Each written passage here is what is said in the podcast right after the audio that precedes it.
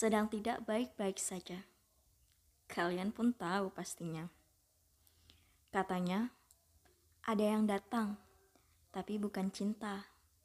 Ada yang meresahkan, tapi bukan luka. Ada yang menjatuhkan banyak korban, tapi bukan gempa. Datang secara tiba-tiba, membuat gempar seluruh dunia. Siapakah dia? Ya, kita uh, hadir di sini untuk pertama kalinya. Kenalin nama aku Zahra Salsabila. Di sini aku mau ngenalin kalian podcast aku. Tentunya bahasanya nggak jauh-jauh beda sama pembahasan yang lagi panas saat ini, yaitu kasus COVID-19. Nah, judulnya apa nih? Jadi judul podcast aku yang pertama itu adalah Makan Solid, Cegah COVID. Nah, kenapa sih bahas makanan? Emang makanan berpengaruh buat mencegah COVID? Angka COVID di Indonesia terakhir update per 1 Desember itu jumlahnya adalah 69.502 korban kasus. Kata Bapak Jokowi, uh, ini semakin memburuk dan memang sampai sekarang pun kita belum nemu vaksin yang cocok untuk penyakit ini karena memang harus melewati banyak uji klinis uji klinis yang gak gampang. Nah, di sini kita mau bahas nih sebenarnya apa sih masalah yang ada di masyarakat? Kenapa kok bisa COVID-19 itu berkembang atau melonjak sebanyak itu di antara negara Asia yang lain? Jadi, jadi kemarin bikin penelitian dengan sampel para karyawan di suatu kantor. Pengetahuannya menunjukkan angka yang baik berkisar antara 71%. Tapi perilakunya hanya 40% yang menaati tentang protokol COVID-19. Nah, di sini juga maka dari itu penting banget perilaku yang harus diterapkan untuk mencegah COVID-19 ini. Pengetahuan sudah bagus karena kita bisa gampang untuk mengakses semua tentang COVID-19, cara mencegahnya, bagaimana penyakitnya, jenis penyakit apakah itu. Semuanya bisa diakses dari. Tapi gimana sih caranya kita tuh bisa ngerubah perilaku itu kan yang susah. Jadi aku kenalin dulu ya ini dari Permenkes nomor 41 tahun 2014 tepatnya di bab 1 pendahuluan menyebutkan bahwa gizi yang baik maka tubuh akan bekerja secara normal. Terhindar dari penyakit infeksi kinerja meningkat terlindung dari penyakit kronis dan kematian dini.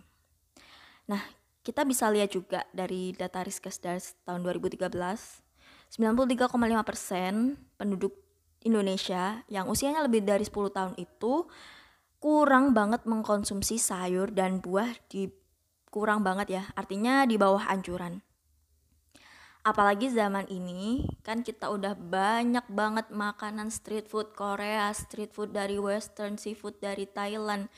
Semuanya itu emang masuk ke Indonesia tapi kita nggak bisa lihat gimana sih uh, gizinya yang terkandung dalam di dalam itu dan memang kebanyakan makanannya tuh junk food. Sedangkan yang kita butuhkan untuk mencegah COVID-19 adalah serat, mineral, karbohidrat, protein, lemak. Kita juga memahami ya, karena memang pekerja kantoran pasti mereka akan sibuk dengan kerjaannya mulai dari berangkat pagi, pulang sore bahkan bisa jadi lembur dan pulangnya tuh malam. Jadi gak sempet untuk ngurusin apa makanan yang mereka uh, masukkan ke dalam tubuh atau daily intake-nya. Perilaku inilah yang harus dirubah dengan salah satunya makan solid.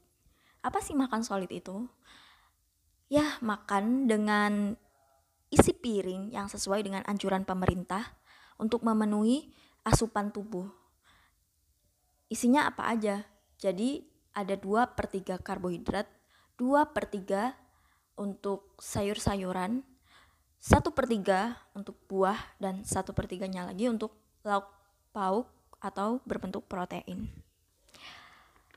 Wah pengen banget tuh ngubah kebiasaan hidup jadi lebih baik gitu kan supaya apa ya emang kita harus ngubah ketika makanan kita baik lalu uh, asupan dari makanan itu bisa diserap maksimal oleh tubuh, maka akan menghasilkan imun yang kuat dan imun yang kuat bisa mencegah COVID-19 untuk uh, replikasi di tubuh kita. Seperti itu. Ketika imun kita kuat juga, maka virus COVID-19 sebenarnya adalah virus limiting disease. Self-limiting disease, dia artinya bisa membunuh dirinya sendiri ketika imun kita baik. Seperti itu. Nah, perilaku apa sih yang bisa kita terapin sebenarnya? Jadi di sini aku mau kasih tips yaitu BHS atau B, buat menu.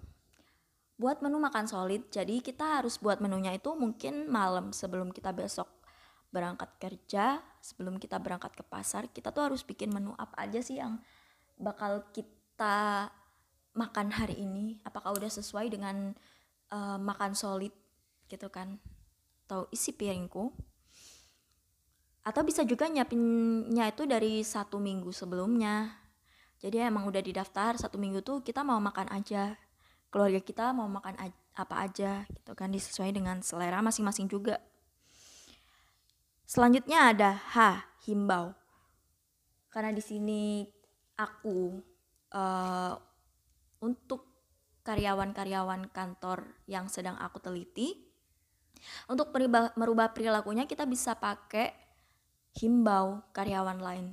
Jadi uh, kita emang hidup di dunia ini tuh emang makhluk sosial kan, saling mengingatkan, saling membutuhkan, saling tolong menolong. Ketika kita bisa saling mengingatkan aja itu udah baik banget buat diri kita sendiri, buat yang lain. Ketika kita mengingatkan orang lain untuk makan makanan bergizi seimbang, maka secara tidak langsung orang lain juga akan aware. Ketika kita nggak makan itu kita akan diingetin. Jadi kita bisa balik lagi untuk makan makanan bergizi seimbang. Dan yang terakhir adalah es sehat itu malaganya. Jadi lebih baik mencegah sebelum mengobati. Karena emang mencegah kita tahu biayanya relatif sedikit daripada kita harus mengobati yang sampai ambil tindakan medis untuk operasi maupun yang lain-lain. Ditambah lagi nih, minum air putih 18 hari,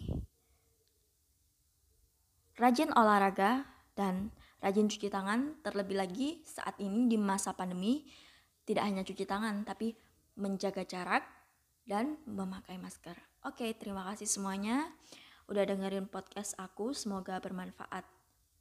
See you.